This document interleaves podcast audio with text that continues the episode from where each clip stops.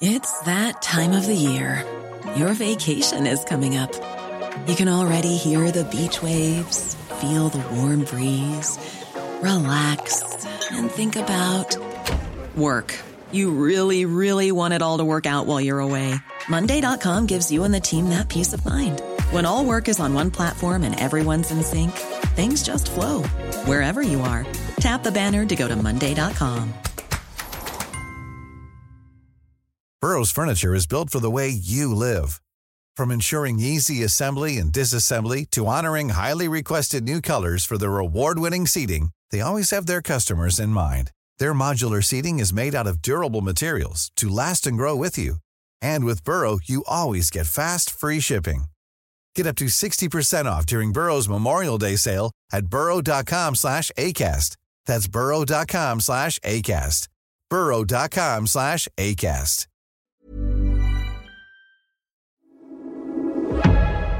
Du lyssnar på GVS ljudböcker.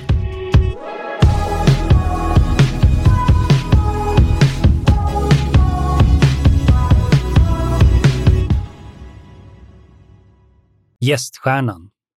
En del i Nemesis-serien av Kai Linna. Inläst av mig, Erik Bolin. Tiden är en illusion. Albert Einstein. Prolog. Sommaren år 1054 i den kejserliga residensstaden Hangzhou. I folkmun kallades den för fågelburen och var tillverkad av sega bambustänger. Högst upp höll stängerna ihop av ett kraftigt tvinnat rep och i botten av buren fanns en rund träplatta med hål där bambustängerna satt fast. Dock var gångjärnen till burdörren, beslagen och inte minst hänglåset tillverkade av järn. Även om buren påminde om en stor fågelbur, till allt utom det dyrbara hänglåset, gick det inte att missta sig på dess ändamål. Längst ner vid bottenplattan fanns två hål, lagom stora för att man skulle kunna sticka ut ett par medeltjocka ben, så att den som satt i den gungande buren kunde dingla med benen utanför. Tack och lov för det, tänkte Safa. Som fram till så sent som denna morgon varit den kejserliga palatsets mest illustre och uppburne astrolog. I denna egenskap var han kejsarens personliga länk till den gudomlighet som kejsarmakten representerade. Safa hade alltså hittills levt ett behagligt liv vid det kejserliga hovet. Han var således inte särskilt van vid att uthärda dygnslånga smärtsamma sittställningar i en trång bur. Icke desto mindre brukade de flesta olycksfåglar som placerats i fågelburen försöka se det positiva i sin situation. Det hör till den mänskliga naturen. Om den som tilldragit sig den kejserliga vreden kom undan med att endast sitta i fågelburen några dagar, till allmän skam och personlig förnedring, kunde det betraktas som ett lindrigt straff med tanke på att halshuggning var vad som vanligen väntade. Men även den största optimisten visste innerst inne att fågelburen oftast fungerade som ett sorts ransakningshäkte, där den offentliga bespottningen bara var ett litet delstraff i väntan på det stora straffet. Safa var realist. Hans enda hopp nu var att komma undan med halshuggning. Snabbt och smärtfritt.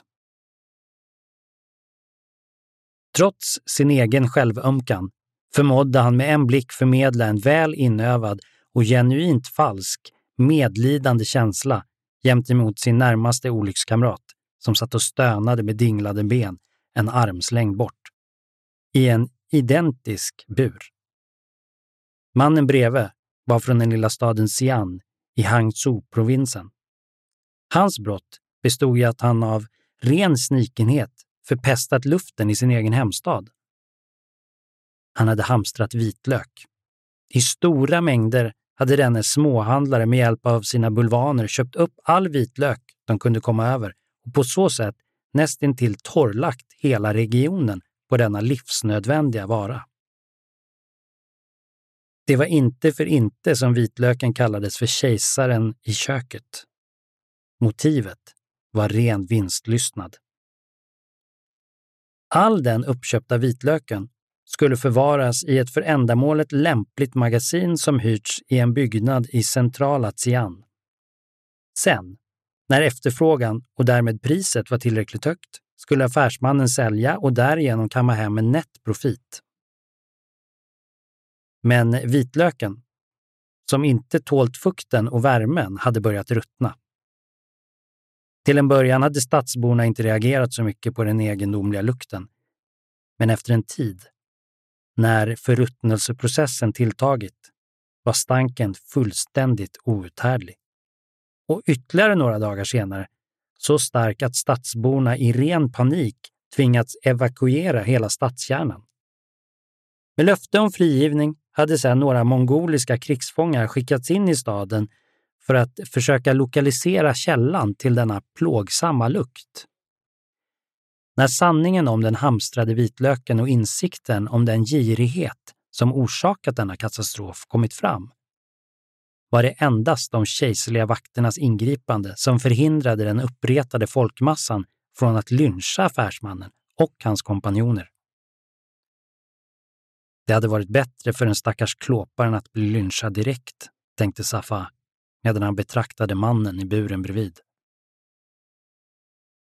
Oturligt nog för affärsmannen hade även det kejserliga köket drabbats av vitlökshamstringen. Inte på grund av avsaknad av vitlök i kejsarens kök. Till det fanns de egna kejserliga vitlöksträdgårdarna. Men kejsaren hade blivit sugen på färsk svinlever från Xi'an. Denna lever var särskilt uppskattad eftersom svinen i Xi'an matades med kokt vitlök, vilket gjorde att deras lever fick en alldeles speciell vitlökssmak. En vitlökssmak som kejsaren fattat tycke för. När sedan leveransen av vitlökslever uteblev skickades de kejserliga vakterna ut för att ta reda på orsaken. De anlände till händelsernas centrum precis i tid för att stoppa lynchningen och tillsätta en egen utredning. Affärsmannens kumpaner blev, med eller mot sitt eget erkännande, summariskt avrättade på torget. På så sätt fick stadsborna sin hämndlystnad mättad. Men kejsaren nöjde sig inte med ett så simpelt straff för gärningsmannen. Därför togs den huvudansvarige med till den kejserliga residensstaden Hangzhou för att få sin dom av kejsarens egna domare. En av dessa domare var Safa. Han hade inte haft några invändningar när de övriga kollegorna yrkat på att straffet rimligtvis inte kunde bli mildare än hundra dödars död. Hundra dödars död var den hemskaste, mest utdragna och smärtsamma död som kejsarens bödlar kunde komma på. I en kruka fanns exakt hundra små papperslappar. På var och en av dessa hundra papperslappar fanns namnet på en specifik kroppsdel nedskriven. Och varje dag lottades en lapp fram av chefsböden. Den kroppsdel som fanns att läsa på lappen avlägsnades då från den dömde. Hittills hade ingen, trots bödlarnas hängivna ansträngningar, fått uppleva hundra dödars död men det hävdades att rekordet låg på 82. Möjligen för att det enda fången fick att äta under dessa dagar var vad han själv kunde bidra med, i form av avlägsnade kroppsdelar. Att Safanu satt sitt sista hopp till halshuggning var därför inte så märkligt. Hans brott var tyvärr betydligt allvarligare än att störa de kejserliga matvanorna. Han hade riskerat kejsarens odödliga själ. Och dessutom var just denna kejserliga själens välbefinnande hans huvudansvar. Hans brott handlade inte så mycket om vad han hade gjort, som vad han inte hade gjort. Men när det handlar om den kejserliga själen gäller att veta vad den har att se fram emot i efterlivet. Veta och vid behov förbereda den. Så sent som dagen innan hade kejsaren litat på att ingen i hela riket var bättre lämpad för detta än Safa. Om det bara hade handlat om en enkel solförmörkelse eller en liten lättförklarad komets ankomst Skulle ingen i hela kejsardömet bättre än han ha kunnat förklara för kejsaren vad ett sådant tecken kunde ha för betydelse för den gudomliga kejsarmakten? En timme efter midnatt hade han väckts av en uppskrämd kammartjänare som med ansiktet tryckt mot golvet med darrande röst meddelat att Safa var kallad till kejsarens sovkammare. Med hjärtat i halsgropen hade han mötts av en otålig kejsare som utan att slösa någon tid på artigheter beordrat honom ut på altanen. Med blicken riktad mot golvet hade han följt den kejserliga ryggen och väl ute på altanen hade kejsaren pekat upp mot natthimlen och frågat honom. Vad är det där? Hans enorma förmåga, som förfinats under åren med de ständiga intrigerna vid hovet, att snabbt och självständigt kunna ge kejsaren raka besked, försatte denna natt Safa i dödlig fara. Det som förrådde honom var inte det han sa, utan det som kejsaren såg. I Safas chockade ansiktsuttryck.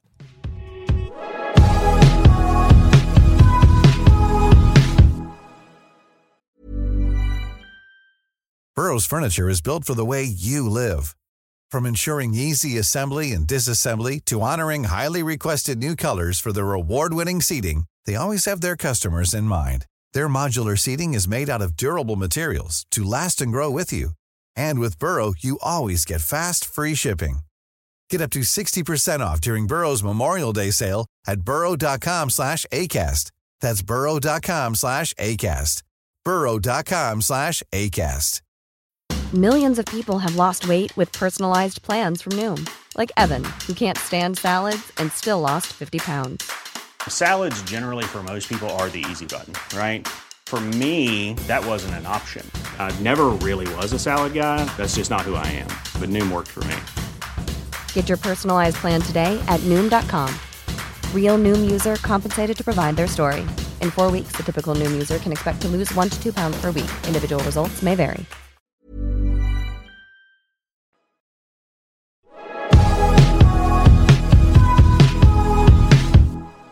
Gäststjärnan Kapitel 1 På Newfoundlandöns nordligaste spets har moderna arkeologer hittat resterna av vad som verkar vara en vikingaby. Fynden består av åtta hus, varav en smedja samt en del mindre järnföremål. Dessa fynd, som har daterats till omkring år 1000, ger stor tyngd åt berättelsen om Leif Erikssons resa till Vinland, Vinlandsagan. År 1978 utsågs fyndplatsen till ett världsarvsområde av FN-organet Unesco. Våren år 1028. Vid nuvarande Le Anse à Meaux på Newfoundland. Eldar stödde sig mot relingen och vinkade farväl till församlingen som stod kvar på stranden. När de 18 männen vid årorna tog i spändes senorna på deras muskulösa överarmar och skeppet klöv vattnet så att skummet virvlade kring fören. Så snart de rundat den första udden och försvunnit utom synhåll skulle takten avta betydligt, tänkte Eldar med ett flin på läpparna. Nåväl, inget fel i att visa sig hård. Det skulle behövas mycket av den varan om, eller snarare när, skrälingarna dök upp. Ute på öppet hav, med fyllda segel, utgjorde deras paddlande barkbåtar inget större hot. Men eh, vid något av de nödvändiga landstigningarna kunde de däremot bli farliga. Samtliga på skeppet var erfarna svärdsmän. Möjligen med undantag av den unge Torvald Renne, som var med på sin första viking. Några av roddarna, inklusive Eldar själv, var veteraner från de grymma härjningarna på Irland. Men de flesta hade skaffat sig den nödvändiga erfarenhet som krävdes för att överleva i denna vackra, men sorgligt hårda värld på den ö som de årtag efter årtag nu var i färd att lämna. Skrällingarna gick förstås inte att jämföra med de betydligt bättre rustade irerna, men Eldar tyckte det var veklingar hela bunten och borde dräpas så snart tillfälle gavs. Resan var beräknad att ta merparten av försommaren och senast i midsommarens höbärgning skulle de vara tillbaka. Så var det sagt. Avsikten med vikingen var, precis som alla vikingar varit i alla tider, att utforska land och röva byte där handel inte var möjlig. Visserligen fanns det mandat på skeppet för svepskälet att kristna hedningarna. Men det fanns ingen som ens kom på tanken att anföra en så skamlig ursäkt. Tvärtom såg de alla stolt fram emot att utverka sin självklara rätt. Skrällingarna hade i flera omgångar anfallit Leifsboda med sina galna skrik och svingande träklubbor. De hade dödats i hundratal, men även några nordmän hade strukit med. De låg nu begravda på den ö där de byggt sina långhus. En av dem som dött var den unge Torvalds morfar och namne. Torvald Eriksson, bror till Leif Eriksson som en gång grundat byn och son till självaste Erik Röde. Så nog fanns det mycket för skrälingarna att betala för. Målet för denna färd var den långa, avsmalnade fjord som låg tre till fyra dagsfärder rakt västerut. De skulle ha landkänning på styrbord sida hela vägen och tanken var att om skrällingarnas attacker i värsta fall blev övermäktiga och de skulle vara tvungna att skyndsamt fly, så skulle strömmarna och vinden göra reträtten betydligt snabbare. Utan denna nödplan skulle Eldar aldrig ha lyckats övertala sin kvinna Ylva att släppa iväg dem på resan, som enligt henne gjordes mest för att de blivit uttråkade av vinterns långa sysslolöshet. Efter fem dagars seglats hade långskeppet med dess besättning kommit en bra bit in i själva fjorden. Flera gånger under resan hade de hört skrälingarnas fruktade stridsrop från strandkanten och sett hur de satt barkbåtarna i vattnet i fruktlösa försök att komma ikapp långskeppet. Eldars män hade skrattande ställt sig på relingen, dragit ner byxorna och visat sina bara arslen. På kvällen den sjätte dagen kom vikingarna fram till en stor älv på höger sida som rann ut i fjorden. Där såg de hundratals båtar och kanske så många som ett tusental skrälingar som sprang ner till strandkanten där de hoppade och skrek något förskräckligt. Blodet isades nog i ådrorna på en del av vikingarna, men ingen visade det.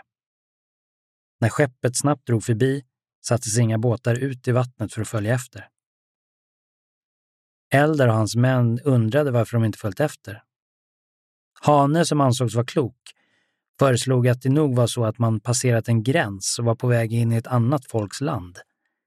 Ett land vars folk skrälingarna själva var rädda för och därför inte vågade följa efter. Att de därefter reste ostört i tre dagar utan att se skrälingar vare sig på land eller i vatten gav stöd åt Hanes tankar. Men inte heller såg man några andra tecken som rök från lägereldar som tydde på att landet skulle vara bebott av något annat folk. Däremot fanns det gott om alla sorters vilda djur på båda sidor om fjorden, som vid det här laget smalnade av. Männen såg fram emot att få sträcka på benen och jaga upp något färskt kött. På den tionde dagen smalnade fjorden av än mer för att bli till en stor älv. Efter ett kortare rådslag bestämdes det att de skulle fortsätta ro upp för älven en bit medan strömmarna inte var alltför starka. Det fanns fortfarande gott om tid att hinna hem till midsommar. Två dagar senare hade älven blivit betydligt vildare och männen fick ta i ordentligt för att föra skeppet framåt. Till slut tog det stopp när de kom fram till ett vattenfall. Vattnet röt som ett odjur och vikingarna fick kämpa för att styra båten i land. De slog ut sina trötta armar. Eldar blickade in i den mörka skogen som omgav dem. För ett ögonblick tyckte han sig se någonting som rörde sig där inne. En hjort kanske, tänkte han. De övervägde att dra skeppet förbi fallet, men det skulle vara ett stort projekt och ingen visste vad som fanns bortanför. Kanske ännu ett fall. Att lämna skeppet och fortsätta till fots kom inte på fråga. Det skulle vara alltför riskfyllt. Om skrälingarna satte eld på skeppet var de alla förlorade. Att avdela en mindre vaktstyrka till att skydda skeppet var inte särdeles lockande med tanke på att det inte var så många till att börja med. Om detta diskuterade männen vid det tillfälliga lägret de slagit upp för kvällen. När morgonen var på väg hade fortfarande inget beslut fattats. Då bestämde Eldar att de skulle stanna en dag till för att utforska vattenfallet och vad som fanns ovanför, till fots. Och först då, om inget nytt hade kommit fram, skulle de styra tillbaka hemåt igen. Hans beslut togs emot med blandade känslor av männen. Hos skrälingarna de passerat fanns inget byte av värde att ta. Dessa veklingar dög inte ens till trälar utan dog redan efter ett par dagar och var mest till besvär så länge de levde. Men samtidigt var det sant att en fortsatt färd ovanför fallet skulle visa sig vara väldigt riskabel. Kanske alldeles för riskabel. Männen delade då upp sig i tre grupper. Två grupper om sju man att gå upp på varsin sida om älven och de fem man som blev kvar fick stanna och vakta skeppet. Med Eldar gick två ärrade kämpar, vilka dömts som fredlösa på Island. Hane den kloke och Pilten Renne och två andra som kommit till Leifsboda sent på hösten året innan. Dessa var ett par yngre bröder som inte ville gå sysslolösa på det karga Grönland utan rymt hemifrån för att söka äventyr och rikedomar i västerled. De såg till att hålla ögonkontakt med den andra gruppen över fallet. Det gick snabbt brant uppåt, men den sista biten bestod av en lodrätt vägg där de var tvungna att klättra. Väl uppe kunde de besviket konstatera att den som gissat på ännu ett fall hade rätt. Eldar skulle just signalera till den andra gruppen att det var lika bra att vända tillbaka neråt igen, när en rörelse i ögonvrån fick honom att hejda sig. Som ur tomma intet dök fem män upp. De påminde om skrälingarna, men det syntes att det var en annan sort. Istället för att ogenomtänkt och skränande rusa rakt på stod dessa kvar och grinade avvaktande. Deras stridsklubbor såg ut att vara smidigare, mer dödliga och deras hållning utstrålade en säkerhet som gjorde Eldar illa till mods. Hans hand greppar efter svärdet. Strax dök ytterligare fem män upp. Denna gång närmare stupet som Eldar och hans grupp just klättrat upp för. De var på väg att spärra av reträttvägen. Tillbaka till skeppet! beordrade Eldar. Med svärd i händerna, en av islänningarna bar på en yxa, backade männen i stridsformation för att återvända. Väl framme vid stupet skulle de tvingas klättra igen och behövde då båda händerna. Eldar tvivlade på om alla skulle hinna klättra ner. Fyra man tog sig snabbt över kanten när ytterligare en handfull män skrikande störtade fram ur ett buskage. Eldar, han med yxan och Torvald, som alla var kvar uppe på kanten, vände sig om för att möta anstormningen. Det gick relativt lätt att värja sig med svepande hugg av yxa och långsvärd och anfallarna, som aldrig tidigare sett liknande vapen, fick snabbt lära sig hur dödligt farliga dessa var. Tre män låg slagna på marken. En med avhuggen arm och två med uppfläkta bröstkorgar. Då satte bågskyttarna in. Eldar förbannade sig själv över att de lämnat kvar sköldar och brynjor vid skeppet. Han kunde se över sin axel att de övriga männen nu samlades vid skeppet och med resta sköldar värjde sig mot ytterligare ett pilregn som måste komma från ännu fler krigare inifrån skogen. Det var det sista Eldar såg, innan hans skalle krossades av ett tungt slag från en stridsklubba. Strax därpå föll även islänningen med en pil genom halsen. När männen nedanför fallet såg detta satte de fart och sköt ut skeppet i älven med föga hopp om att den unge Torvald skulle nå dem helskinnad. Hoppa i älven! skrek de åt honom. Men avståndet och bruset från det framvällande vattenfallet gjorde att ljudet inte nådde fram. Det verkade som om Torvald var på väg att göra just det. Men innan han hunnit sätta fart mot vattnet fann han sig omringad. Männen i skeppet räknade honom som förlorad. Pilregnet tvingade dem att sätta fart med årorna och skeppet försvann snabbt utom synhåll för Torvald som blev lämnad ensam kvar vid fallet. Krigarna som omringat Torvald bildade en stor cirkel och strax klev en ung man in i ringen med en stenyxa i den ena handen och en blodig stridsklubba i den andra. Det var han som dräpte Eldar, han Torvald tänka när han förberedde sig på att låta dem betala ett så högt pris som möjligt för sin död. Under några ögonblick stod de två krigarna och bedömde varandra tills mannen med stenyxan gjorde sitt utfall. Torvald mötte upp med sitt svärd och lyckades hugga vad han trodde var ett hål i luften, men ett långt blodigt sår i motståndarens ansikte skvallrade om att så inte var fallet. Med en belåten grymtning lyfte han åter sitt svärd för att bemöta nästa attack. Blodvitet fick de övriga krigarna att höja sina stridsklubbor och ljudligt visa sin uppskattning. Kampen skulle inte göra dem besvikna. Nästa utfall stod Torvald för, men hans motståndare var med på noterna. Samtidigt som han duckade för Torvalds dödliga klinga riktade han ett slag mot vikingens ben med sin klubba. Klubbslaget tog hårt och Torvald insåg att han inte kunde klara en till sån hård träff. Han skrek av smärta. Nästa sammandrabbning skulle bli helt avgörande. Torvald, som bara kunde stödja sig fullt ut på ena benet nu, slog till först. Likt en bärsärk satsade han allt på ett våldsamt frontalangrepp. Vilket överraskade den andre som tog ett snubblande steg bakåt, snavade och mötte upp det fruktade hugget liggande på rygg.